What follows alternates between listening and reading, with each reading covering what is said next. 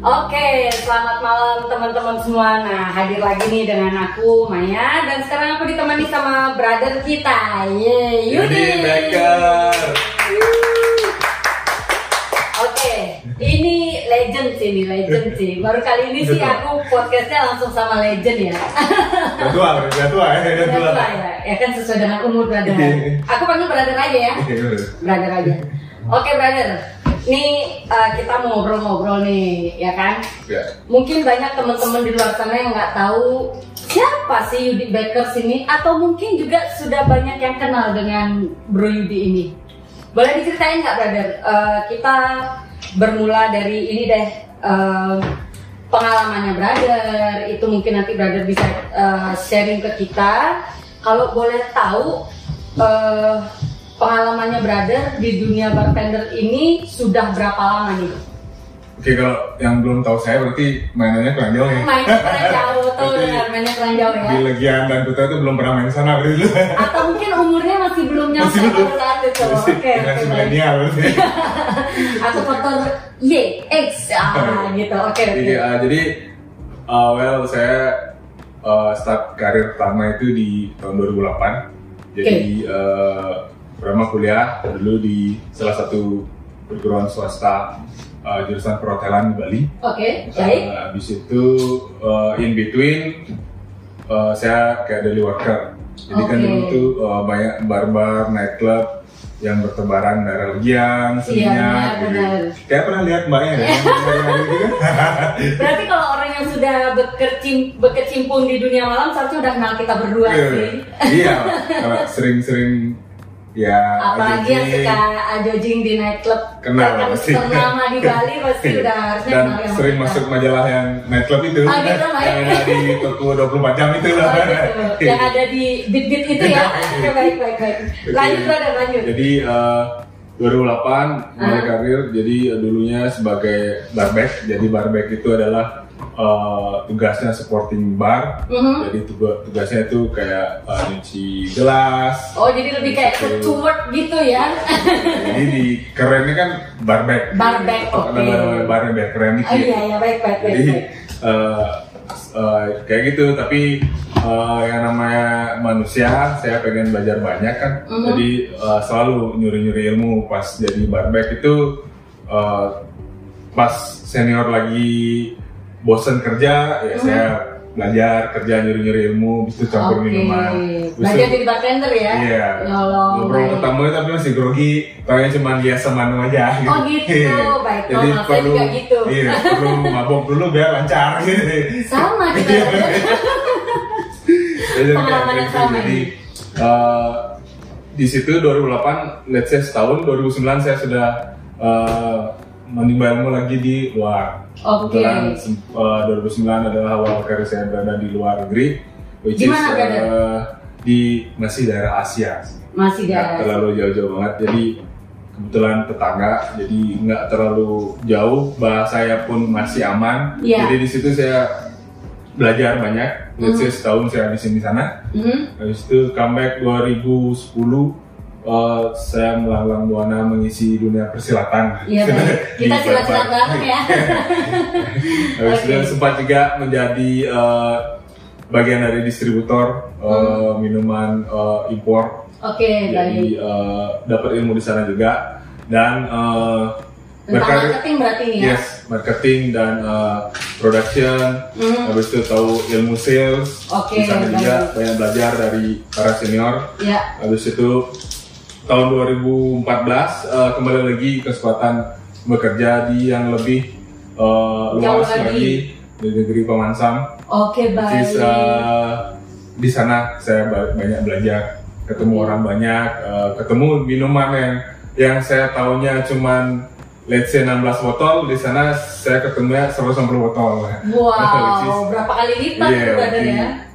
Uh, keren juga sih jadi buat pengalaman, Mhm. let's say buat juga ilmu dan mentalitas. Karena di bar itu istilahnya, ya kalau lo jadi bartender kena tamu seribu nangis lah cupu lah Oh namanya gitu, masih mental tempe Iya, lah ya. sampai, ya. sampai uh, setelah dalam basah tuh biasanya baru keren.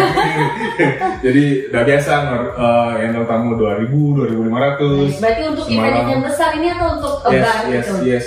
Event besar dan juga di Bali pun saya pernah uh, hosting menjadi uh, istilahnya tuan rumah untuk beberapa artis Hollywood. Ya. Salah satunya ada Jason Mraz. Wow, itu di mana itu brother? Jadi di Nusa Dua. Jadi Oke, pas, uh, baik. Itu event ya berarti Yes, uh, manggung. Terus sempat jadi uh, private bartender dari uh, beberapa artis ternama di ibu kota. ya? Oke, Ya, jadi. Nggak sebutin namanya sih nanti. Jangan. Saya diingetin. Oh masih buat saya mabuk ya. Gitu. Baik, baik, Supaya baik, lupa diri ya. Gitu. Yang penting ada cerita di Ya, dalamnya. jadi kan? ternyata kelakuan mereka ya sama. Jadi sama kayak kita ya. kita Baik. ketemu alkohol. intinya lebih tertutup aja Yes, gitu loh yes, publish. yes. Beda sih di TV sama di belakang TV. Berarti nanti ini kalau kita bongkar-bongkaran kacau semua Iya. kan? dan juga di bar itu saya senangnya ketemu banyak orang, banyak artis, beberapa juga tokoh ternama di Indonesia, uh, dan juga ada artis Hollywood seperti Mhm. kemarin kayak Paris Hilton saya ketemu, Oke. which is ya, kayak Waktu datang ke Bali nih ya. yes kayak Barbie lah istilahnya. Iya benar. Berarti itu memang asli looknya tuh. Yes yes, Like Barbie. benar itu Cinta Laura. Oh, becek tidak ada ojek. Ya, tapi ngomongnya nggak lebay kayak gitu sih. Aslinya tidak seperti itu. Mas mas gitu. Mas pesan minum dong. Kok tahu nama saya Thomas gitu. Padahal namanya belum tuh masih mati. ya seperti itu. Jadi Oke. eh, continue sampai saya belajar di manajemen. Mhm. Eh, pertama kali belajar di manajemen tentang food and beverage eh, tahun 2016. Mhm. Nah, jadi eh, Sambil minum. oh ya, di masih gak nih? Mhm. Gimana keren dari Jeruk Bali nih. Jeruk Bali nih. Oh, Ini seger banget nih brother. Oh. Enak banget dan ini tuh beda dengan minuman jeruk yang lain sih kalau aku rasa. Oh, Wah ini seger banget. Cobain dulu brother. Cobain. Banyak di endorse ya. Hmm. Bukan di endorse. Oh, gitu. Kebetulan memang sponsor masuk Oh, gitu.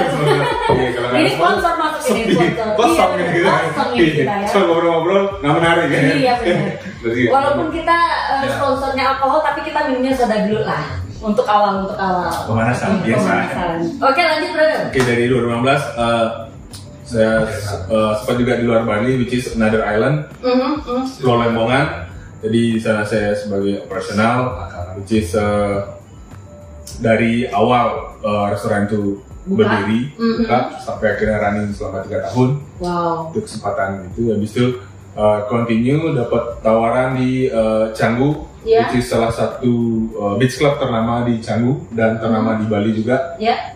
Di situ saya bekerja dengan uh, let's say expat karena Canggu kan uh, Lebih banyak expat ya. lebih banyak expat Ya. orang-orang hippies jadi Benar. culture-nya itu uh, vibes-nya itu dapat banget di sana Berarti sesuai banget dengan yang brother mau gini. yes yes feels like uh, not in Bali jadi kelihatan Oke. kayak di, kayak di luar aja gitu. di Eropa atau di Amerika jadi benar-benar vibes-nya banget Beker- eh, habis itu bekerja dengan eh, beberapa expat jadi Iya. membuat eh, saya juga komunitas yang bertambah Ya. ilmu bertambah jadi eh, channel untuk bekerja dan let's say mau nyari apa pun tuh gampang karena Oke. mereka Karena juga link. ya link mereka juga ngenalin kebetulan juga owner uh, server Iya. jadi uh, komunitasnya bagus Iya. jadi saya ketemu uh, dulu sempat uh, bekerja di salah satu brand server ternama di Bali Mhm. jadi beliau-beliau yang saya lihat di majalah itu ya ketemu ketemu Oke. langsung habis itu kelihatan di foto wah ini ini Seru banget dong berarti itu brother pengalamannya. brand-brand yang saya pakai itu ternyata ownernya ada juga gitu wah Oke. keren juga jadi Seru. istilahnya experience yang dapat di situ jadi eh, sangat menyenangkan nih sampai di awal tahun 2020 sih. Oke. Oke, eh, jadi eh, ya sad but it's true 2020 setelah let's say Maret kita nggak tahu kan Iya. pandemi itu start Iya, jadi benar. eh, tidak terpik- terpikirkan oleh saya juga Mhm. tentu ini bakalan impact ke saya karir saya dan keluarga Semua saya ya? jadi semuanya akhirnya karena manajemen berubah let's say semua kayak pariwisata terpuruk kan di Bali Betul betul betul. Saat itu berubah. kan lagi Ya. gencar-gencarnya awal pandemi ya. yes yes semua outlet tutup jadi Hmm. eh, let's say manajemen tidak bisa uh, istilahnya melanjutkan tidak bisa support lagi saya dalam segi uh, finansial Iya. karena ini akhirnya saya memutuskan untuk pindah Pindah ya ke another part of uh, Canggu yaitu Pererenan. di Pererenan ya. Yes. Kemarin mungkin lebih ke Brawo ya. Ya, Lebih ke jadi Brawo terus sekarang move ke Pererenan Pererenan. ya bakalan ke barat-barat terus Oh gitu. barat-barat ke negara. Oke. Oke. Nah ini seru banget sih brother. Kita Ya. baru ngomong sedikit tentang pengalamannya Bro Yudi nih. Ya, Ya, baru sedikit sekali.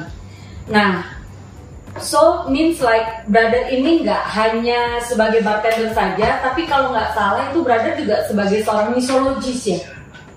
sebenarnya uh, istilah mixologist itu baru-baru ngetren di tahun 2000 kalau nggak salah 2010 ke atas. Ya. Sebenarnya itu uh, part of bartender jobs. Mhm. Jadi tugasnya adalah meracik minuman, Mhm. membuat minuman. Tapi istilah kerennya mixologist itu adalah menemukan minuman yang kadang-kadang tak ter- terpikirkan Berarti yang di luar dari di luar- di uh, luar- standar internasional gitu ya, di luar ya. nalar, kadang-kadang di luar uh, istilahnya akal sehat gitu loh. Iya. Jadi, ih masa sih pakai itu? Ih masa sih itu kan nggak bisa diminum gitu. Oke. Masa sih kamu minum kayak gitu? Masa sih jamu itu bisa dicampur alkohol gitu? Iya. Nggak itu kayak Iya. apa tuh jadi. Benar-benar. Nah, seperti kayak gitu. Jadi uh, sebenarnya uh, ya mixologist itu adalah tren uh, Penemuan baru sebutan mungkin lebih untuk ya. orang yang istilahnya uh, menemukan sesuatu hal yang baru terutama di minuman Mhm. di dunia uh, cocktails terutama. Jadi uh, membuat uh, tren baru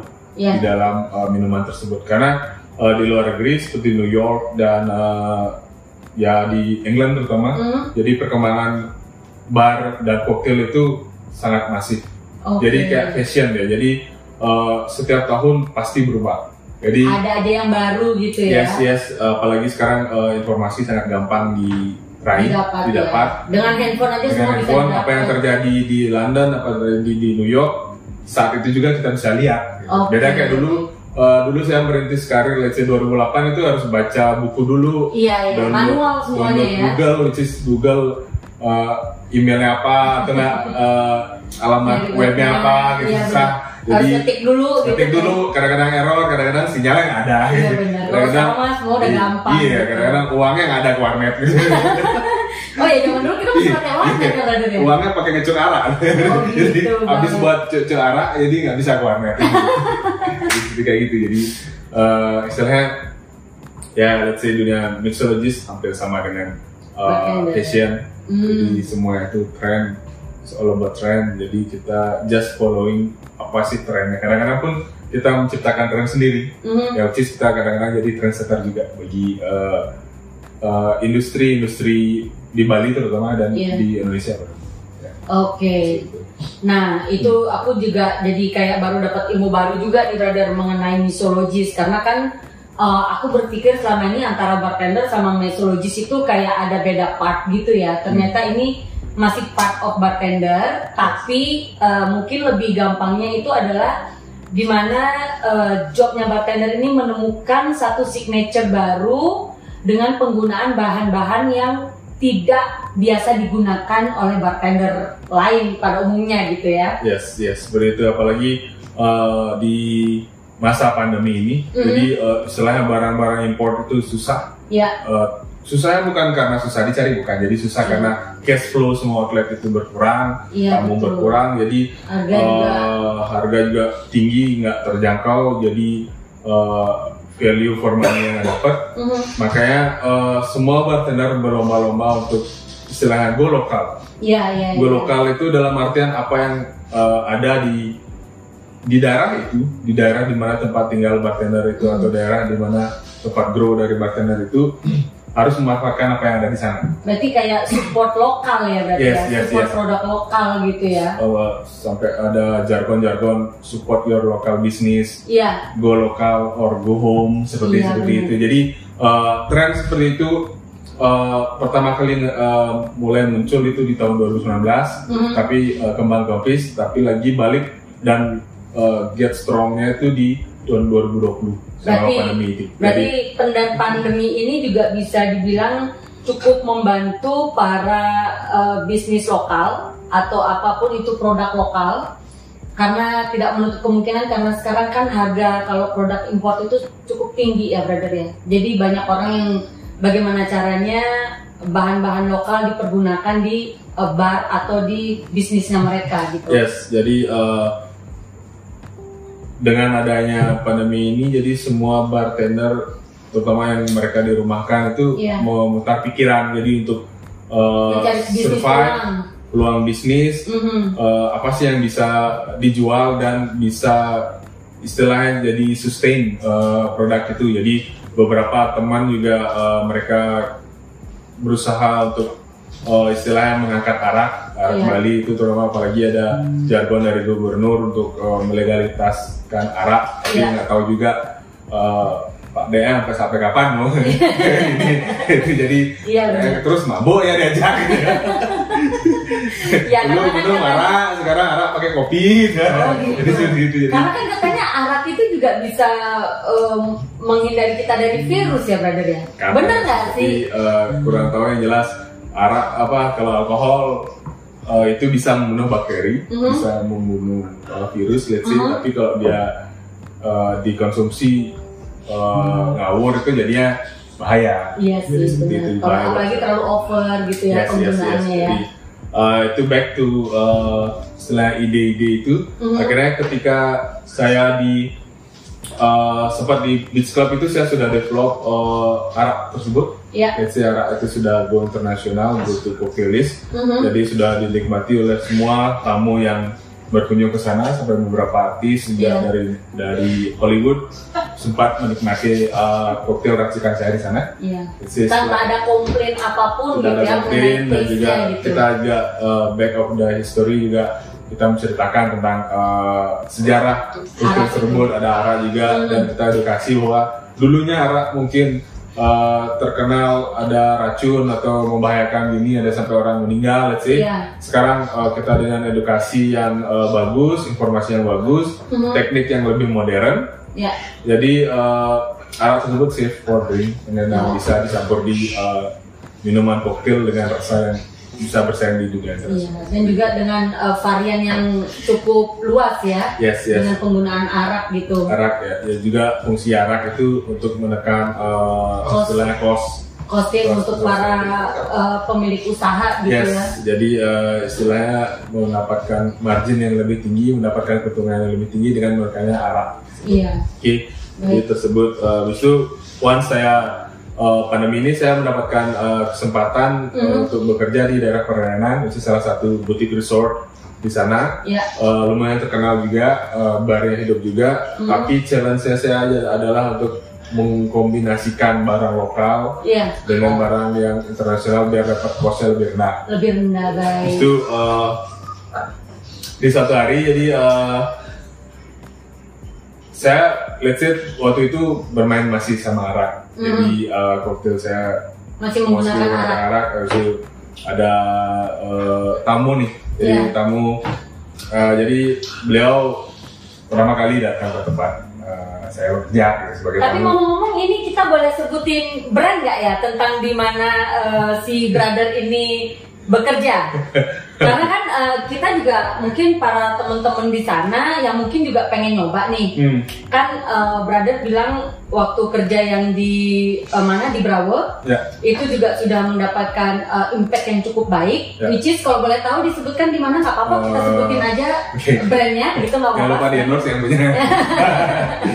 Karena kita biar tahu juga nih buat teman-teman yang belum tahu tentang track recordnya brother ini sudah di mana aja gitu ya. Jadi sekarang boleh disebutkan lah beberapa karena ini udah memasuki musim pandemi juga. Jadi buat teman-teman yang mungkin sekiranya mau mulai berusaha berbisnis jadi kan bisa oh ya oh ternyata di sini dulu bekasnya oh ternyata di sini gitu nah mungkin bisa disebutkan brother Ya oke jadi eh, pas itu nggak di Berawasi jadi dia Mhm. di Batu Bolong saya bekerja eh, kurang lebih dua tahun di dalam Canggu. Oh di Delon Canggu, Ya, baik. Delon Canggu itu keren banget sih juga. Itu Jadi- salah satu terkenal juga ya. Kalau eh, anda generasi milenial dan anda melihat centang-centang biru ibu Eh, kota baik. pasti rata-rata Pernah pernah nangkring di situ. ngepost eh, foto di Dulan Canggu, which is Oke, eh, baik. spotnya bagus banget. Jadi Ya. eh, tujuan eh, not only lokal tapi Mhm. internasional eh, aktris and actor, Datang ke sana. influencer datang ke sana.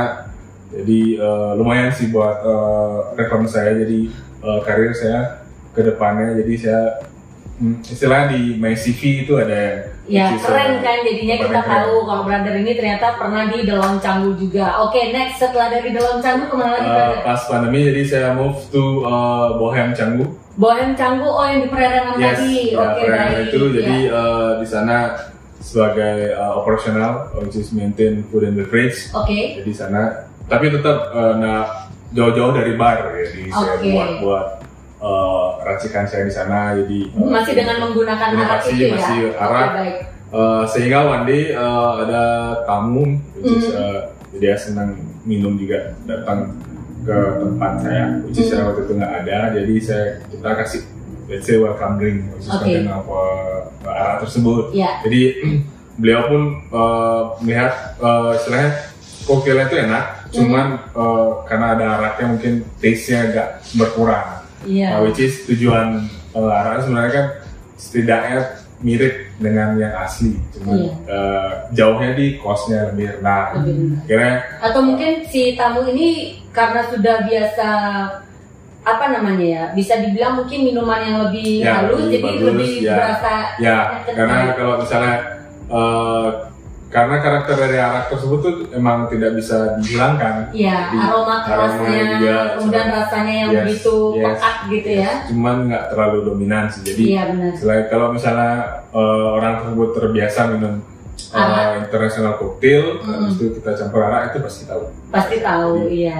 uh, tersebut pas waktu itu saya nggak ada jadi uh, it's okay just say hello Iya. habis itu next days uh, tamu tersebut membawa let's see bawa keluarga Iya. bawa ke sana uh, kunjungan ke tempat saya kerja which is saya waktu itu ada di sana Oh berarti sudah bikin appointment sebelumnya Uh, untuk ketemu? ketemu ya Atau just kebetulan Ya. datang aja kayak dia second visit Second visit. senang dengan tempatnya? tempatnya bagus banget jadi Iya, iya. uh, Aku pernah sih ke Bohem dan itu tempatnya keren banget guys. Jadi itu bener-bener view-nya juga sawah, kemudian juga bangunannya juga unfinished gitu ya. keren keren Sampai aku mikir itu bangunan-bangunan pada belum jadi, tapi ternyata memang seperti itu guys. Nah, Oke. uh, otentiknya seperti itu, Iya. unik. Habis itu kita punya pool yang view-nya sawah, jadi keren Iya banget. Uh, nggak terlalu rame serame dalam dulu, Mhm. nggak terlalu rame serame Canggu. Jadi masih kayak lebih nyaman. chill, nyaman untuk let's say uh, having cocktail by the pool. Iya, dan Habis poolnya juga infinity banget Ya, kok, luas banget. Chill and relax. gitu. Iya. Jadi uh, habis itu oke uh, kita ngobrol biasa waktu itu di invite ke table Mhm. kita ngobrol biasa aja dulu akhirnya uh, beliau memberikan uh, menawarkan say, uh, beberapa produk minuman Oke. jadi kepada saya which is uh, beliau menjelaskan bahwa ini minuman ini lokal semua which is saya uh, pertama interest Mhm. very interest but once uh, beliau mengeluarkan beberapa sampel Iya. big no karena saya lihat packagingnya kurang habis Iya, itu iya, iya. uh, let's say kayak uh, lokal brand yang umumnya lah Iya, is iya. minumannya juga uh, beliau bilang waktu itu beberapa minuman yang sekelas impor Mhm. bisa bersaing which is saya waktu itu nggak terlalu interest Oke. Uh, habis itu beberapa lagi beliau mengeluarkan uh, varian seperti soda Iya. Uh, nah yang saya interest waktu itu adalah uh, beliau mengeluarkan beetroot uh, sorry beetroot root beer Ah. root beer uh, soda dan uh, clear cola. Ah, Clear. oke. Waktu itu saya amazed, waktu itu, wah wah, keren kayak. Mhm. Begitu. Akhirnya saya ke bar minta ice, saya coba. Mhm. Nah, which is uh, root beer adalah minuman yang saya belum sama sekali pernah ketemu di Indonesia. Di di Bali. Indonesia ada beberapa brand sih, cuman yang otentik seperti yang Lokal saya gitu ya? taste ya di luar itu uh, saya dapetin di sini. Oke, Nah, baik. Berarti ini taste-nya dapat banget nih. pas Otentik banget gitu ya. keren habis itu cuman packagingnya nggak terlalu uh, menarik which is fine Iya. nowadays jadi uh, saya senang itu saya lanjut ke clear cola Mm, karena mm. sepengetahuan saya kalau uh, everything that makes clear from other color itu memerlukan alat yang khusus Oke, Nah, alat itu saya tahu saya belajar dengan alat itu cuma harganya yang masih mahal banget Oh, gitu, jadi nggak kekejar lah sama orang-orang seperti saya gitu Oke. jadi Eh seger. Minum dulu. Minum dulu brother, minum dulu. jangan ngomong lu kan tawarin minum. Iya dong. Kalau kalau kita di sini mah nggak ada nawarin. Kalau Iya. harus langsung aja minum. Kalau aku bilang ini minuman soda ini nyegerin banget. Kalau lapar bisa bisa gojek, eh, bisa gojek. Boleh. Ini bisa ada di mana-mana, eh, nggak di mana-mana sih. Karena ini masih blue ocean nih brother. Blue Ocean dah. info dari yang saya dapat nih Hmm. dari si sponsor ini tuh blue ocean banget. Jadi kalau nggak ke resellernya mereka nggak Ya. ada yang jual nih. Wah, ini keren. nih. Nah jadi ini juga bisa bantu buka peluang bisnis juga buat teman-teman yang pengen punya bisnis blue ocean ini bisa bantu banget gitu. Which is kita support lokal karena seperti pembahasan kita tadi Ya, ya, benar. kita harus support lokal bisnis Yes, yes, gitu. yes. Seger kan tapi kan? Keren, senang. Seger Pas, banget. jadi eh, kayak minuman-minuman di Era eh, lama. daerah pinggir-pinggir jalan lalapan lalapan itu. Iya, Jadi- benar, Jadi lebih enak lagi ini kayak gitu. Jadi Pasti dong. keren. Yes, Karena kita juga begitu minum juga nggak terlalu nyelekit gitu yes, ya yes. di tenggorokan. kan gulanya nggak terlalu ini. Iya benar. Oke deh, lanjut kita brother. Oke, jadi eh, pas eh, conversation jadi ya, akhirnya berlanjut. Akhirnya saya Hmm. Gara-gara mencoba clear cola nih. Clear berarti nih, jadi ya. eh, interest saya mencoba lagi. Akhirnya beliau menawarkan beberapa minuman tersebut. Akhirnya saya Hmm, sekarang saya pencinta gin, jadi Oke. saya coba gin. Wah, Jini oh Jini bukan? ya bukan gin dan. Oh, Jin dan Jin. Oke baik. Masa-masa dua gin. Jadi Berarti brother ini memang pecinta Jin ya? yes yes, saya Oke. pencinta gin. Jadi eh, kayak sih eh, berdasarkan tren. Jadi dulu Iya. kalau baru pertama kali mengen- mengenal alkohol kelas 2 SMA, Iya. udah Itu, itu tahunya apa? Paling bir awal-awal gitu. paling keren itu eh, kalau nggak salah itu Whisky. Mansion House. Ya berarti itu lebih kayak whisky. Iya, whisky, ya. jadi whisky, Mansionnya dulu ya. Betul gepeng gitu. Iya jadi- bener. Yang kita bisa kantongin gitu Yes, yes. Harga juga lumayan tuh. Ketawa nih pernah nyoba juga dulu. Harganya kalau nggak salah 65 ribu tuh. Itu ya. Ya waktu itu bekal di kantong cuma 5 ribu. Jadi sisanya ke mana itu brother? Cuan satu kelas. Palakin satu gelas, atau satu botol. Wah, ada keren. Abis itu kita berbagi. Minumnya berlima aja. Iya. Kalau sampai banyak nanti Karena memang segini ya dia Iya. botolnya ya. minum berbanyak nggak mabuk. Iya, bener. Bener juga. Kurang lagi beli arak sisanya. Jadi seperti itu. eh, ya back to eh, trend. Jadi Hmm. eh, saya mengenal whisky. Mm-mm. Uh, sempat jadi whisky drinker kayak uh, Iya. Sama seperti saya, saya ya, pecinta whisky juga. betul. Tapi begitu kita dapet gin, kayaknya lebih enak gin. Gitu. Iya itu kan? berdasarkan uh, istilahnya kayak tren sih jadi Iya dulu sih. uh, ke whisky abis itu sempat uh, belajar minum vodka Mm-mm. jadi ada vodka Red Bull vodka cranberry Iya, iya, iya. kayak trennya ke situ deh habis itu ram back in 2000 orang 2000 itu jadi tiki tiki bar tiki koktail itu Iya. jadi biasanya kan ram Ram ya kita juga uh, Sih. ram sih oke ya Hmm. ram vodka gitu Yes, yes. aku juga dulu suka Hmm, karena uh, itu sih tren jadi saya berusaha mengikuti tren jadi Mm-mm. otomatis suka jadinya jadi dulu tuh kan kita kalau trennya tuh ya zaman kita dulu nih ya zaman Hmm. kita muda dulu brother ya kan itu kalau ah, itu koktail sebenarnya agak jarang kan Iya. zaman zaman itu kecuali bule aja gitu Yes, kalau yes. kita lokal paling lebih ke mixed drink jadi lebih kayak whisky cola yang Yes. kayak gitu kan atau misalkan uh, vodka orange atau vodka tonic vodka Yes. red bull terus kita juga ada ram itu jadi Cuba Libre gitu Yes, kan yes. maksudnya yang standar internasional Hmm. cocktail tapi yang ya bisa dibilang itu sebenarnya jatuhnya masih mixed drink ya. Ya. Bukan yang pure cocktail yang begitu banyak campurannya gitu. Ya ya, jadi uh, masih standar. Karena Hmm. cocktail culture di Indonesia sendiri Kurang dan di ya? Bali itu masih kurang. Untuk Banyak orang lokalnya? orang lokal. Iya. karena mereka lebih senang minum by botol iya benar. Mereka dulu Yes. minum uh, let's say uh, kalau whiskey ya udah Coca Cola gitu misalnya. Iya benar benar. Campuran. Dikasih vodka Coca Cola juga. Gitu. Iya sih. dikasih konyek yang which is mahal Coca Cola juga gitu. kasihan minumannya gitu. iya jadi pokoknya- rasanya hilang Hilang, sebetulnya. ya. lebih Nah. banyak ke kolanya aja yes yang yes keluar edukasinya belum ada di sana jadi Iya. uh, tapi by the time uh, orang Bali dan orang Indonesia itu aware bahwa sudah mulai ya minum koktail itu lebih keren ternyata lebih ada kelasnya ketimbang minum barbar kayak dan gitu nggak cepet mabuk sih Yes, kalau betul. menurut aku karena kalau kita misalkan minum koktail itu kan kadar alkoholnya bisa dibilang berkurang berkurang gitu Yes. ya dibandingin kita minum yang pure gitu kan kadang kalau orang minum pure itu langsung tenggak aja kadang dari botol zaman kita dulu kan nggak pakai gelas kan, Iya. brother ya kan, Jadi, langsung iya. by bottle gitu kan, nggak dari botol nggak keren itu kalau dulu kan. Iya.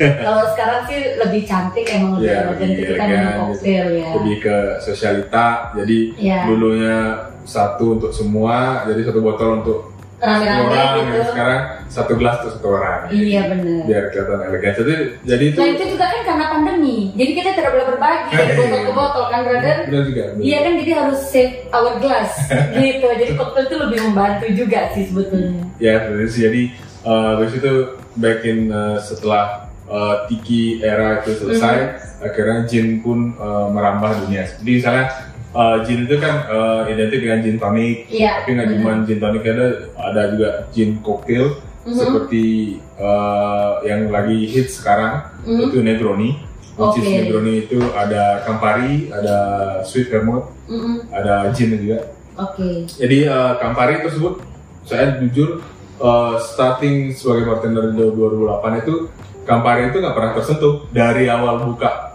say awal buka bar itu Iya. udah lima tahun tentu. nggak pernah tersentuh jadi Oke, berarti itu kan- aja gitu. iya kadang-kadang sampai eh, labelnya itu dari biru ke putih Sampai butak Iya, gitu ya, butak. sampai atau sampai hilang gitu kayak sampai uh, capsnya udah karatan kayak nggak pernah kesentuh jadi Tapi kalau sekarang ini gimana? sekarang sempat uh, ada tren kemarin Campari itu sold out di uh, beberapa Bar.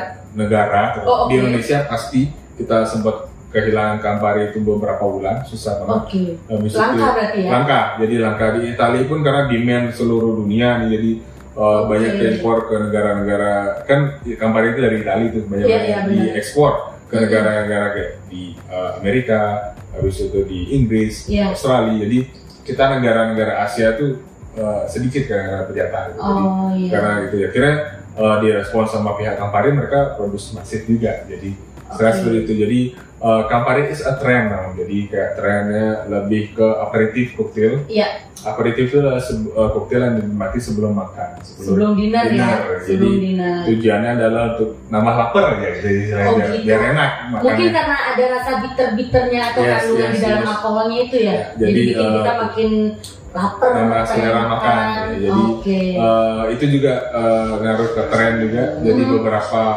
uh, artis di ibu kota juga uh, mengangkat uh, Negroni itu sebagai Culture. part of their uh, culture jadi Oh, sebelum ya. uh, sebelum makan dinner itu Negroni habis itu kadang-kadang setelah makan dinner pun kalau mereka ngebar itu pasti Negroni gitu. jadi Oh. istilahnya Negroni itu uh, koktail yang uh, fancy lah Oke.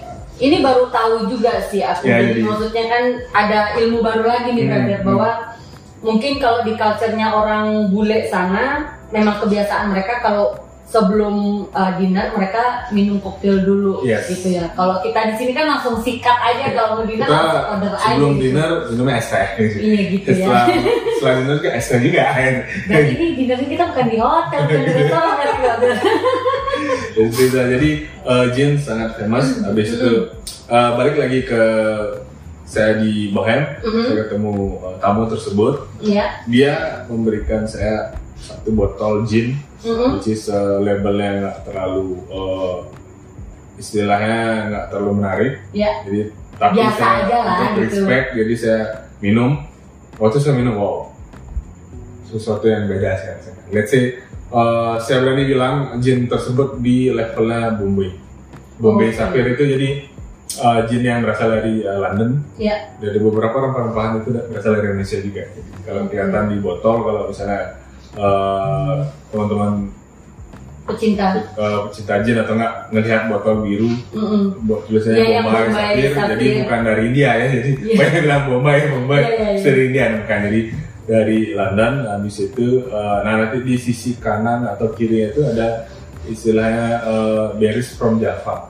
Jadi Oh, istilah iya. Beberapa ingredient Ide dari Indonesia, Indonesia ya. sebenarnya Indonesia itu kaya sebenarnya Dengan rempah-rempahnya. rempah, uh, buah-buahannya bayangin aja Hmm. Belanda jajah kita tiga setengah abad kan gila sih jadi Iya benar-benar. mereka ngambil rempah-rempah kita kita. dibawa ke sana ditanam bisa jadi juga Campari sebenarnya totally from Indonesia cuman Iya, bahan-bahannya. karena kita mungkin tidak Gitu. terbiasa dengan culture alkohol itu, Iya, jadi jadi mereka mengambil ambil atau menggunakan dengan- produk rempah kita untuk dibuatkan alkohol di Yes, negara yes, mereka. yes. Habis itu dijualnya ke Indonesia lagi. Nah itu dia. Iya Tapi kan? kalau nggak salah itu Campari, Campari sendiri itu kan sebetulnya herbal ya, brother ya. Yes, yes. Herbal, which is herbal memang untuk mereka minum supaya mereka sehat. Cuman biar seru aja terus dijadiin alkohol gitu? Atau gimana? Jadi sih, eh, istilahnya kalau eh, mereka yang di Eropa, di Amerika itu pada saat winter, pada saat musim salju itu memang membutuhkan asupan alkohol. Jadi Oke. tujuannya adalah untuk menghangatkan badan. Mm-mm. Eh, terutama di Rusia tuh eh, Karena dingin di banget Rusia ya. kemarin juga itu sampai di minus. Iya. Let's say minus 7, minus 10 itu kalau eh, minum eh, teh hangat aja, bukan bilang teh panas ya, diamin satu menit sudah dingin, Sudah jadi es sudah teh langsung ya? dingin dia, Sudah bukan jadi es hangat aja, jadi es teh bisa jadi. Jadi Oke. eh, yang survive di sana adalah alkohol. Jadi eh, teman saya yang sempat di Rusia itu dia bilang eh, sarapan paginya itu dia minum Jack Daniels, Oh wow. nggak pakai es, jadi langsung ditegak kayak teh. Gitu. Jadi Oke. kalau sampai dibilang sama tuan rumahnya kebetulan dia anak angkat kan, Iya. jadi diangkat sama orang tua di dari Rusia. Mhm. Kalau kamu nggak minum Jack D ini, nanti nanti siang kamu meninggal gitu. Wah serius. karena Jadi, dinginnya karena itu dinginnya ya. itu karena jadi mereka butuh uh, survive menghangatkan badan. Oke baik. Jadi tujuan alkohol itu sebenarnya untuk menghangatkan badan. Bukan untuk mabuk ya? Karena kita iya di negara tropis nih, udah panas. Iya. Itu siang-siang lagi minum Jack Daniel ya, wassalam. Mabok Jadi jadi mabok. gimana? Karena kan istilahnya badan itu ya namanya alkohol untuk menghangatkan badan. Ah. Kita udah darah panas, terus minum panas, Minum panas. iya udah naik gitu. Iya jadi spaneng ya Iya, jadinya. jadi Tapi seperti itu. ngomong-ngomong balik ke produk yang tadi tuh brother. Ya, oke. Kan kalau brother bilang sendiri dari kemasan itu eh, biasa aja atau nggak mungkin memiliki taste yang eh, bisa di comparison dengan produk import gitu ya. Tapi tadi menurut eh, pengakuan brother bahwa ternyata produk itu dari segi taste itu bisa menyamai dengan si Bombay Sapphire sendiri. Itu Eh. berarti keren banget dong itu ya. Eh, saya surprise tuh jadi Hmm. once saya taste eh, gin itu, Hmm. eh, wah ini produknya serius. Iya. Jadi eh, saya sempat ngobrol sama eh, ownernya mungkin waktu itu pada saat itu. Jadi eh, beliau pun bilang eh, ya saya buatnya ini karena eh, eh, istilahnya eh, goal saya itu pengen seperti barang impor. Iya. Jadi tujuannya adalah mensupport semua outlet yang berada di Bali terutama Oke. pada saat pandemi itu untuk mereduce cost. Which is Iya. waktu itu saya langsung wow, ini keren. Visi misinya jelas Visi berarti misinya jelas, ya, memang untuk itu membantu gitu. Bukan visi misi foya-foya. gitu. Visi boya, misi boya gitu, Jadi- oke. Itu bosku. Jadi Dompet bosku aja. jadi eh, intermezzo guys, intermezzo. jadi eh, saya waktu itu interest banget. Habis itu Aha. saya mencobalah beberapa varian dari beliau. Mhm. Which enak, enak banget. Akhirnya eh, Bisa ya, bisa kita counter berarti nih uh, Yes, produk yes. tersebut dengan produk tersebut import ya. produk super bisa banget. Jadi Oke. saya sangat super confident. Mhm. Habis itu lalu eh, beliau juga menawarkan saya, misalnya kalau ini punya inquiry apa, Mhm. bisa dikabarin. Nanti siapa tahu saya bisa buat.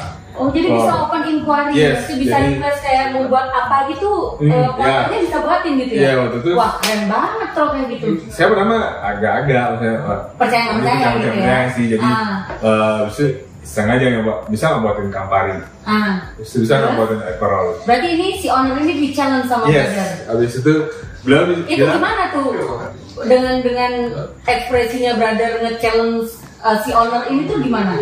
Uh, to be honest, saya nggak percaya karena Oke. uh, waktu itu di Campari saya sempat uh, ikut Campari Academy. Mhm. Jadi Campari Academy itu beberapa uh, top uh, di Iya. Bali diundang di salah satu hotel uh, ternama di Bali. Jadi kita diedukasi selama beberapa jam itu habis itu ada video segala macam dan trenernya pun uh, bilang kalau nggak ada nih di dunia ini yang bisa buat Campari. Wow. Jadi istilahnya eh, berangkat dari situ, saya percaya nih, oh kayaknya kalau misalnya eh, bilang bisa buat, tapi ini pasti ini bohong gitu. Ya. Istilahnya kayak iya. gitu sih, jadi tanda percaya nggak percaya nih. Underestimate ya Yes, awalnya ya. Pertama, Terus akhirnya gimana itu? Akhirnya, dengan challenge yang brother kasih? beliau balik lagi selama seminggu, Mhm. kurang lebih kurang lebih seminggu balik ke Bohem, Ya. membawa beberapa sampel, Oke. which is ada Campari, ada Aperol, habis itu saya minta ada Spice Rum juga waktu Oke. itu, dan beliau membawakan dan lumayan, saya shock banget. Tadi itu. Itu untuk untuk pertama kali tuh. Pertama kali saya uh, bahwa berarti saya istilahnya waktu training itu saya dibohongin, Wah, nggak ada yang bisa buat di dunia ini. Buktinya ya beliau buat. Oh gitu. Uh, Segi taste itu gimana? 11, Taste-nya berarti 12 bilang atau 90 persen. mirip dengan kamparinya? Dengan wow. harga yang wow. Ini si owner ini punya eh, apa namanya ya? Punya kayak pabrik atau bagaimana itu? Ya waktu itu saya curious kan, jadi saya pengen tahu. Mungkin jadi, punya pabrik kali ini owner jadi nih. saya ngerasa sih beliau punya alat yang saya bilang tadi. Yang Nah, mahal itu. bagus itu, Oke nah, karena- baik. Uh, sepengetahuan saya yang bisa buat uh, istilahnya uh, destilasi segala Ah. macam itu kan ada alatnya memang khusus. Uh, Iya. itu namanya uh, kalau bisa dibilang itu namanya rotofab. Rotofab itu Hmm. kalau di dunia bar itu uh, istilahnya udah ke kimia lah. Kalau Kemis ya. ini uh, kalau misalnya uh, saya berani bilang gitu. ya ownernya itu namanya alkemis karena dia udah peracik bahan-bahan kimia yang jago banget gitu. Karena Eh, jangan-jangan punya laboratorium juga bisa mungkin kali ya? jadi makanya saya pengen tahu kan jadi Oke. istilahnya Aku jadi jadi- juga ini. jadi eh, sempat saya istilahnya pengen tahu lebih banyak Mhm. akhirnya saya menawarkan diri untuk eh, berkolaborasi dengan beliau. Habis itu dengan bantuan dengan eh, beberapa masukan Mhm. eh, dengan istilahnya beberapa masukan untuk eh, packaging terutama Ya. habis itu taste jadi beliau yang buat taste di saya Mhm. kalau udah oke kita lawas akhirnya Oke. eh, muncullah ide bahwa eh, brand tersebut namanya Artisan. Artisan. Ya, jadi Oh oke, berarti Jadi- kita hari ini nih disupport dengan artisan ini because of ya jadi- yours. ya, oke, jadi, uh, kolaborasinya si brother sama si owner yang kita tidak bisa sebutkan ini ya ya. jadi eh, Artisan pun sebenarnya eh, artinya itu eh, close by. Jadi istilahnya Artisan itu adalah sebuah handcraft. Mhm. Handcraft apa pun itu bisa dari minuman kah, dari eh, keramik, dari Oke. eh, sofa apa pun itu. Jadi eh, sebuah prakarya Ya. yang dibuat oleh eh, istilahnya masterpiece. Mhm. Kalau kita sebutnya di artisan itu alkemis. Oke Jadi oke. beliau yang membuat mirip dengan aslinya. Oke. Jadi itu jadi eh, kalau bisa teman-teman lihat di depan itu beberapa varian kita juga nah, bisa ini buat guys. sirup, bisa buat eh, flavor gin. Jadi Wow, eh, gin yang sekarang kan ada gin club, ada World Gin Day. Jadi Mhm. kita berinovasi untuk membuat gin dengan eh, color yang berbeda, varian yang berbeda. Oke. Jadi itu juga ada yang regular house pouring kalau kita sebutnya di bar itu pouring itu adalah bahan-bahan yang digunakan untuk membuat koktail kayak misalnya vodka, Standarnya rum, gitu ya. itu udah kita udah bisa buat semuanya seperti itu dan kita juga bisa buat bitter Oke. uh, seperti uh, brand ternama itu yang harganya cukup mahal dan kita Mhm. bisa membuatnya close by. Oke, berarti ini kalau di, bisa dibilang kolaborasi brother eh, dengan artisan ini sendiri berarti sudah bisa memenuhi kebutuhan bar sepenuhnya Yes. ya untuk produk lokal untuk menekan cost gitu kan? Ya, ya. Jadi uh, visi misi kami di Artisan adalah uh, membantu semua outlet, terutama di masa pandemi ini, untuk Ya. survive. Mereka masih doing business Mhm. dengan uh, well profit. Jadi Oke. tujuannya uh, tetap menjual internasional koktail, tetap dengan harga yang sama ataupun memberikan diskon 50%, tapi uh, benefit yang kita kasih adalah cost dari international cocktail itu itu kita bisa cut down sampai di 3 per 4 Tiga per empat itu berarti kurang lebih berapa persen itu brother? Standarnya orang kalau posting itu berapa sih kalau di bar gitu? jadi uh, let's say cost dari cocktail itu maksimum sebenarnya 30 Oke, itu maksimum ya. maksimum 30 Terus dengan produk Ya, yang nah, ini kita- dikasih kita- artisan ini, saya berani bilang di, di bawah 15 serius brother? Serius, jadi Wow. uh, dengan kuantiti yang sama dengan ingredients uh, Dengan taste yang- jus yang sama juga Ya, tapi kita menggunakan brand spiritnya pakai artisan oke. Berarti ini benar-benar sangat apa namanya? Sangat membantu bagi para pengusaha yang ingin menekan costing Yes. dengan penggunaan produk lokal, tapi taste-nya itu nggak abal-abal gitu ya. Saya berani bilang taste-nya nggak ada beda. Oke. Jadi ini bukan arak, kita buat buatnya bukan dari arak, tapi Oke. kita buat uh, kalau misalnya teman-teman tahu itu pakai Everclear. Everclear itu high proof uh, alkohol. Mhm. Kita uh, menggunakan uh, distilasi dengan Ya. alat tersebut, five time distillation. Oh wow. Jadi lima kali, jadi super smooth.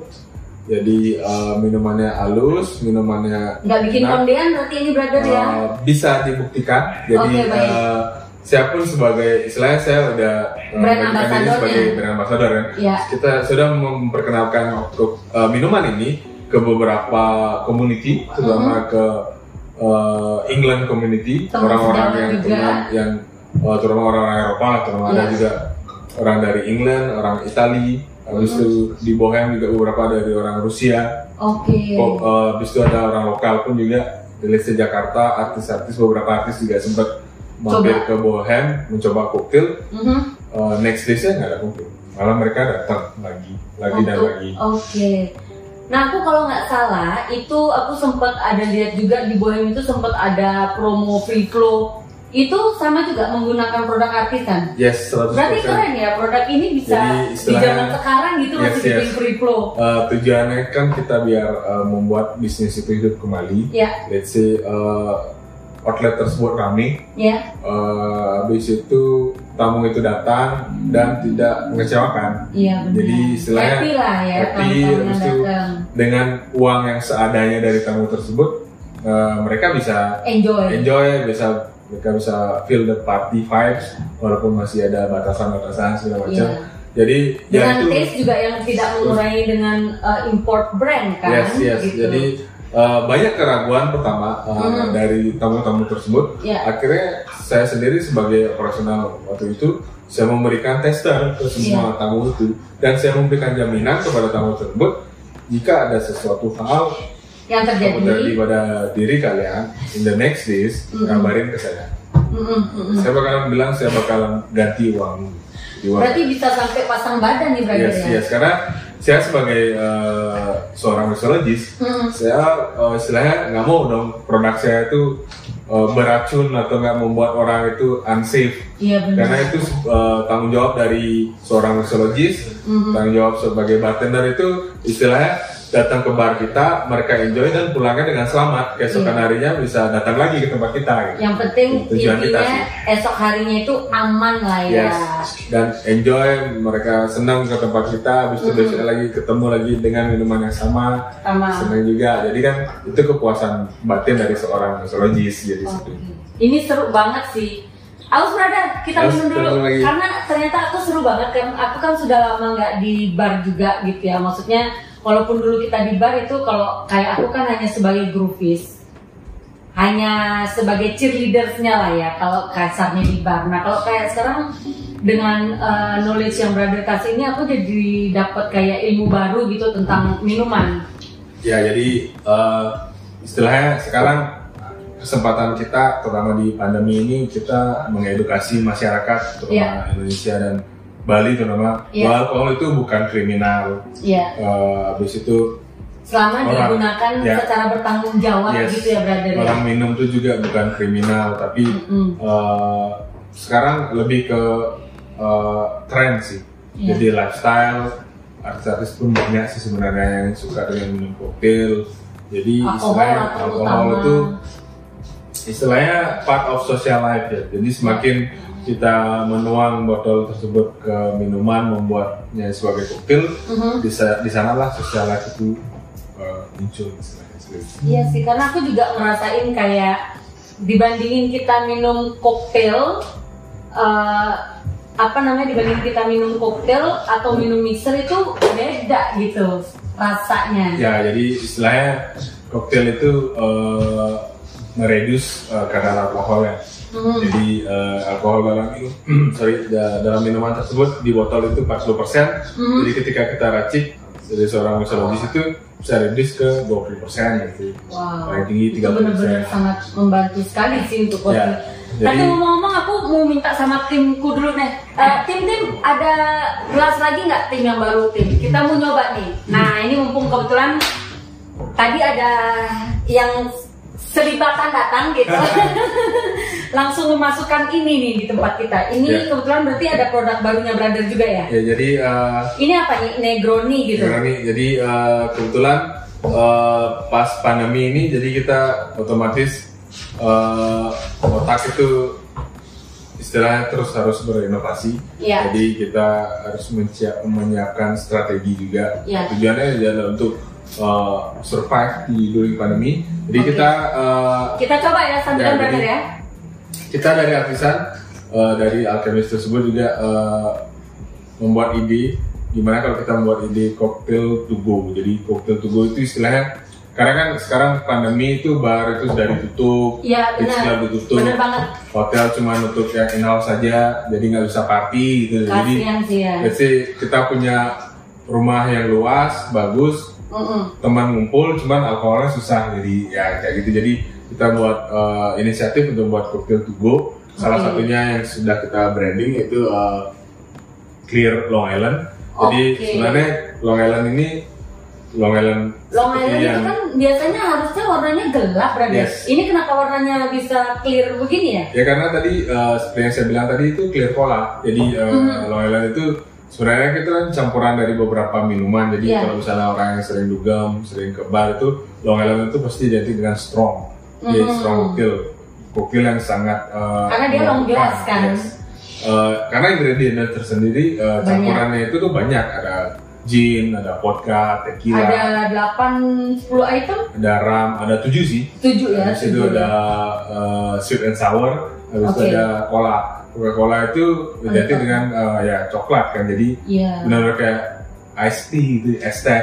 Makanya Ya, Island Iced Iced Tea, Tea karena, namanya. Uh, Oke. Penemuan itu tuh waktu itu di uh, masa probation, jadi Mhm. masa ketika di Amerika itu nggak boleh minum alkohol. Oke. Jadi Ada semua sempat larangan seperti itu jadi di juga. tahun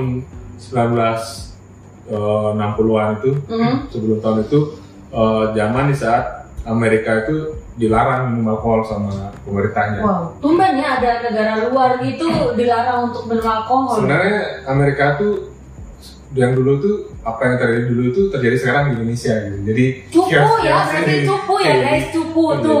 Amerika aja sempat dilarang minum alkohol, seharusnya kita sekarang biasa aja guys. Jadi istilahnya seperti itu. eh, jadi yang pengusaha-pengusaha bar yang sudah banyaknya alkohol, Mm. uangnya sudah di sana berputar otak ya sama kayak pandemi sekarang gimana cara dia Oke. dia bisa jualan alkoholnya jalan tamunya banyak akhirnya mereka uh, mensiasati dengan uh, istilahnya koktail tersebut biar nggak kelihatan koktail jadi kelihatan kayak soft drink kayak, kayak es teh kayak gitu jadi Oh. Long Island Iced Tea itu emang Long Island di daerah Amerika sana ada namanya daerah Pulau Long Island itu jadi di sana ditemukan di bar tersebut jadi Baik. iced tea itu uh, ya kayak es teh isi lemonnya isi uh, straw-nya di long drink gitu Iya iya iya, kayak karena es teh bener uh, aku lihat yang kalau di di dulu itu ada gambar orang uh, pasang Long Island Ice Tea itu kan bener-bener gelasnya yang long, terus ada kayak payungnya Ya. gitu kan, ada straw-nya, Yes, ada yes. kadang buah lainnya juga ya garnish. lemon. Jadi, Jadi itu ternyata story-nya Ya, story-nya kenapa itu- namanya yes, yes. Ice Tea. Uh, kayak biar kelihatan es teh biar let's say ada penggerbekan dari pecalang-pecalang dan di di Amerika sana.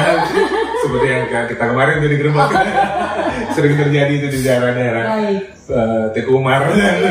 Nah, jadi ini- di itu Ini aku tertarik banget nih Hmm. karena aku sendiri belum pernah nyobain Negroni nih brother. Yes. Ini baru pertama kali ini aku bakal nyobain. Kita cheese dulu brother. oke Kita coba dulu. Ini berarti yang tadi brother bilang adalah cocktail tubuhnya artisan. Ya, jadi uh, ingredientsnya uh, racikannya itu campurannya itu ada Ini baru gin, tester aja nih brother. yes, gin, uh, Cheers, guys. Campari dan sweet vermouth. Jadi ini baru project kita kasih trial nih. Jadi Hmm. uh, semoga bisa membantu mengingat masa-masa bar-bar dulu. Jadi di rumah tuh berasa kayak chill Di bar di beach gitu bar, ya. di bar, ya, seperti itu. Apalagi dengan musik yang sudah ada gitu. Yes, tapi ini rasanya enak banget ini brother. Cuma mungkin kalau kalau kita ini kan kita karena minumnya no ice ya, Ya. maksudnya uh, hanya short gitu. Yes. Mungkin nanti buat teman-teman uh, di rumah ini kalau yang mau order bisa didinginkan atau dipakaikan ice gitu ya, sama dikasih garnish uh, orange kali ya. Yes, sebenarnya itu eh, Negroni itu Jadi lebih dia di rasanya. rock glass, jadi gelas yang pendek itu Mhm. diisiin ice di rumah. eh, di sini diisiin secukupnya atau terserah mau full mau setengah apa apa. Habis itu Itu ditambahin apa lagi. orange-nya itu ya? Eh, nah itu eh, minumannya Untuk dulu. minumannya, baik. Habis itu orange-nya bisa dipotong, dibagi segala macam terserah bisa jadi Sesuka hati. sesuka hati, bisa juga di kulitnya aja, dikuliti, habis itu diperas di atas. Oh, jadi itu hanya sebagai penambah rasa Nama biar keluar eh, rasa jeruknya rasa-rasa gitu. jeruknya, citrus eh, kulit kulit dari jeruk tersebut Iya, iya. biar nambah segar sih.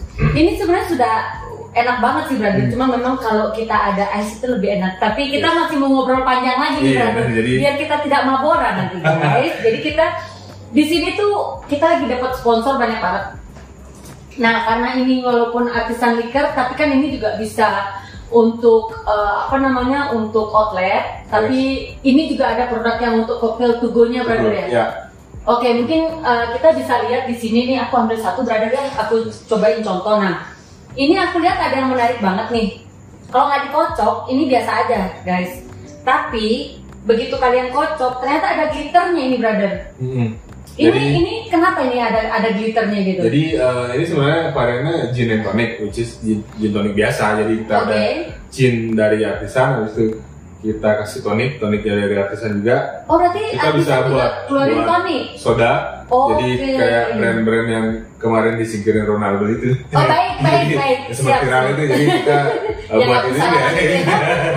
jadi eh, Ini keren sih, keren. buat tonic habis itu ah, adisional ya kenapa jadi gold and glitter Iya. kita put eh, namanya glitter put glitterin jadi Iya. eh, glitter tuh biasanya kan pakai kosmetik tuh biar Yang saya tahu buat eyeshadow kalau kita ya, jadi, perempuan kan brother. yang suka disco itu biar klap klipnya tuh Iya. cetar gitu jadi kan kalau kena lampu-lampu disco biar Iya, jadi bling bling bling gitu kan. iya benar jadi minuman juga nggak mau kalah dia pengen dandan juga gitu jadi Oke, berarti ini tapi aman ya ini untuk diminum uh, sebuah teman-teman di rumah yang mungkin pengen nyoba ini karena kan ya ini varian baru nih. Aku Yes. juga baru pertama kali ini lihat. Ini namanya Crystal Gold Gin and Tonic. Berarti di dalamnya udah dicampur gin sama tonic. Yes. Yang mana ada glitternya juga. ya Yang which is ini uh, safe untuk Ya. diminum karena memang glitternya sendiri food grade ya. Food grade, uh, glitternya sendiri sebenarnya uh, banyak kok teman-teman lihat di beberapa cake Oke. Nama cake itu ada glitter. Tuh, Nah, habis saya itu- yang kampungan berarti guys. Iya, jadi saya uh, tahu food ini. grade bisa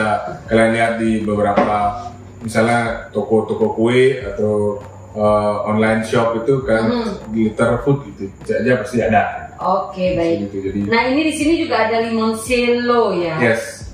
Limoncello ini biasanya untuk untuk koktail apa sih brother? Aku agak cupu sih kalau limoncello Jadi, aku belum pernah. Uh, nyoba. limoncello juga varian terbaru kita untuk cocktail tubuh. Ini memang bisa di order langsung diminum di rumah Yes, langsung minum tinggal tanpa perlu didinginin. di mix apa apa. Nggak usah di mix, Oke. di, didinginin, taruh di freezer boleh, Mhm. atau di kulkas. Jadi pas dia dingin langsung kasih sloki, minum shot, enak. Jadi Ini rasanya kayak ya? jeruk, jeruk, jeruk Lebih banget. jeruk ya? ya. istilahnya kayak jeruk Bali ini warnanya kan hampir sama. Iya, Kalau iya. ada alkoholnya. Kalau yang ini soda benar, kalau yang itu ada alkoholnya guys. Oke. Jadi uh, limoncello itu sebenarnya dia uh, culture-nya orang Itali. Jadi Ya. kalau ada tamu datang ke rumahnya, nah itu welcome drink-nya dia. Oh Welcome jadi di by shot gitu ya Nah, jadi dikasihnya ya. uh, semua orang di Italia itu kayak istilahnya kayak di sini ala lah istilahnya. Jadi Oh, culture-nya itu oke. kalau ada welcome drink itu orang Italia itu kalau di di sini kan ada tamu datang kita kasih es teh, Ya. kita tea lah gitu. Jadi Iya. kalau di Italia itu Kopi lah gitu eh, kan. kalau tamu datang itu biasanya sih limoncello. Oke baik, berarti ini kita juga belajar culture tentang negara lain teman-teman. Ya. Oke. Jadi uh, good things about bartender minuman itu kita nggak cuma belajar mabok aja gitu. Iya. kita juga belajar culture, Story-nya. story, habis itu apa sih budaya di negara tersebut karena Iya. mereka membuatnya itu tuh mencantumkan budaya di sana. Jadi Iya, iya. eh, di Karibian di sana itu kalau eh, teman-teman sering minum ram terutama let's say ram yang di Bali atau di Indonesia kan Captain Morgan yang Iya. terkenal. Jadi culture-nya itu memang perompak. Kita nyebutin brand ini nanti semoga ada Captain Morgan juga Iya. masuk sebagai sponsor saudara-saudara gitu kan. Juga Oke. sih ya, jadi gak enak ngobrolnya gitu. Gak enak jadi kita di- didampingin dengan sponsor Iya, gitu ya. jadi istilahnya nah, seperti itu culture-nya bisa dilihat di gambar, habis itu bisa lihat di belakang dari botol tersebut Hmm. dan sebagainya. Jadi istilahnya nggak cuma minum, tapi kita mempelajari culture budaya dari eh, tempat minuman tersebut dibuat. Mhm. Jadi seperti itu. Jadi uh, banyak pesan sih sebenarnya di setiap minuman itu ada uh, dari Jerman, let's say uh, boleh sebut brand tuh Jägermeister. Jägermeister itu ya. Aku pernah minum sih itu. ada dirnya, which is Hmm. ada rusa, which is memang banyak banget kita bisa temuin di uh, negara Jerman. Ya. Jadi seperti itu ada juga. Uh, itu jamu juga bukan sih brother jadi itu, uh, itu kayak uh, aperitif drink juga. Aperitif Cuma juga, dia ya. lebih ke uh, herbs. lebih kayak ini teman-teman eh, kalau yang buat teman-teman yang suka nyobain Jägermeister itu lebih kayak obat Batuk. batuk, kayak komik Ya. gitu aduh Karena komik juga saya curiga, jadi minum apa jangan-jangan sama kali ya Kalau- komik sama Jagger mau mau terbang ya komiknya satu level. gitu baik, baik. Nah jadi ini mungkin juga bisa jadi pesan buat teman-teman yang pecinta alkohol yang suka minum harusnya jangan hanya bisa minum ya brother ya Yes. harus juga mempelajari tentang story of the alcohol itu sendiri Hmm. apa kegunaannya fungsinya di negara mereka juga apa gitu ya jadi kita nggak cuma hanya bisa mabok doang tapi kita juga mempelajari tentang storytellingnya mungkin Yes. Uh, jadi uh, pesannya juga jelas. Mhm. Di setiap minuman impor pasti di bawah belakangnya itu ditulis drink responsibly. Iya. Responsibly itu bertanggung jawab, harus jangan sampai bertanggung jawab. Jadi nggak cuma ngambilin anak aja langsung bertanggung jawab, tapi ini Oke, ini baik. harus bertanggung jawab. Ini Betul, betul, betul. bertanggung jawab ke orang sekitar, keluarga. Jangan sampai ada keributan, sampai ada gitu kan. Jangan zaman Jangan sampai ada Uh, kriminal juga yes. ya brother ya tuh. jangan zaman nih di Indonesia minum Mabok, mabok, ribut, ribut, habis itu mabok ngalah orang, gitu ya. nyolong. Tuh. Udah nggak culture kita lagi sih kayak gitu. jadi- Harus lebih lebih banyak ada manfaatnya Yes. sebetulnya. Sekarang minum itu lebih ke curhat, curcol, Oh, jadi kalau apalagi curcol, pandemi seperti iya. ini, kalau kita mau curhat ke mana lagi karena nggak ada tempat, jadi Iya. kita curhatnya sama alkohol aja, Iya, brother. bener. Jadi bener juga sambil nonton podcast kita nih. Jadi Iya, mungkin minum. ada ilmu-ilmu yang bisa kalian dapat nanti kan, gitu. Yes, betul. Gitu. Nah, oke. Untuk brother ini thank you banget. Siap. Banyak ilmu yang kita dapat. Nanti mungkin uh, kita akan jumpa lagi di podcast kita berikutnya. Mungkin dengan semoga ada beberapa varian baru lagi nanti karena aku lihat di sini juga ada sirup gitu ya. Kemudian ada ya liker, likor juga ada. Wah, macem-macem. Jadi ternyata Yudi Bakers ini guys, wah, legend kita ini yang ada di bartender ini telah berkolaborasi dengan salah satu orang Alkemis. alkemis gitu ya yang akhirnya bisa menghasilkan produk-produk hebat ini yang which is kalau kalian masih punya uh, bisnis bisa digunakan untuk terutama menekan cost karena seperti yang tadi brother bilang juga dari segi rasa kita untuk minumannya itu bisa di comparison sama produk import ya Ya. jadi kalian mungkin buat teman-teman nggak perlu khawatir. Siapa tahu masih ada buka bisnis di eh, tempat kalian. Bisa mungkin coba juga produknya artisan silahkan. Nanti kalau mau ketemu searching aja langsung Bro Yudi. Ada di Instagramnya apa brother? Coba. Jadi bakers. Yudi Baker aduh. Jadi mantap ini. Ini gara-gara soda sini Iya, iya. gara-gara alkohol Iya, iya, iya. oke. Oke. mungkin eh, selama pandemi ini brother karena kan eh, which is brother termasuk orang yang masih beruntung gitu ya. Ya. Kalau sekarang brother masih kerja di mana nih? Masih di Bohem juga? Eh, saat ini kebetulan saya baru bergabung di uh, Alilas Minyak. wow, di Alila, mantap. Lumayan bagus brandnya jadi uh, Iya sih. banget. Jadi sebagai uh, Itu dari kapan brother? Sudah lama? dari awal bulan ini. Oh wow, jadi tetap ya, tetap maksudnya gini, intinya balik lagi niat apa pun kalau kita masih mau usaha pasti tetap ada jalan. Yes. Jadi brother ini selain sekarang masih bekerja di Alila juga sebagai brand ambasadornya produk artisan ini. Jadi buat teman-teman di rumah seharusnya tidak usah berkecil hati. Selama kalian mempunyai semangat, kalian mempunyai kemauan, Yes. apa pun itu pasti bisa ada jalannya. Mungkin mau ada pesan-pesan nih, brother, buat teman-teman di rumah yang masih panic attack, masih nggak tahu atau masih kayak galau, gua harus gimana sih di zaman pandemi ini? Coba deh, brother mungkin bisa sharing atau kasih uh, sedikit pencerahan buat teman-teman kita di rumah. Eh, kalau misalnya buat teman-teman yang eh, nggak tahu nih mau eh, ngapain gitu, Hmm. maksudnya mau buat usaha apa, jadi eh, jangan berkecil hati. Mhm. Kami dari artisan eh, punya solusi untuk itu.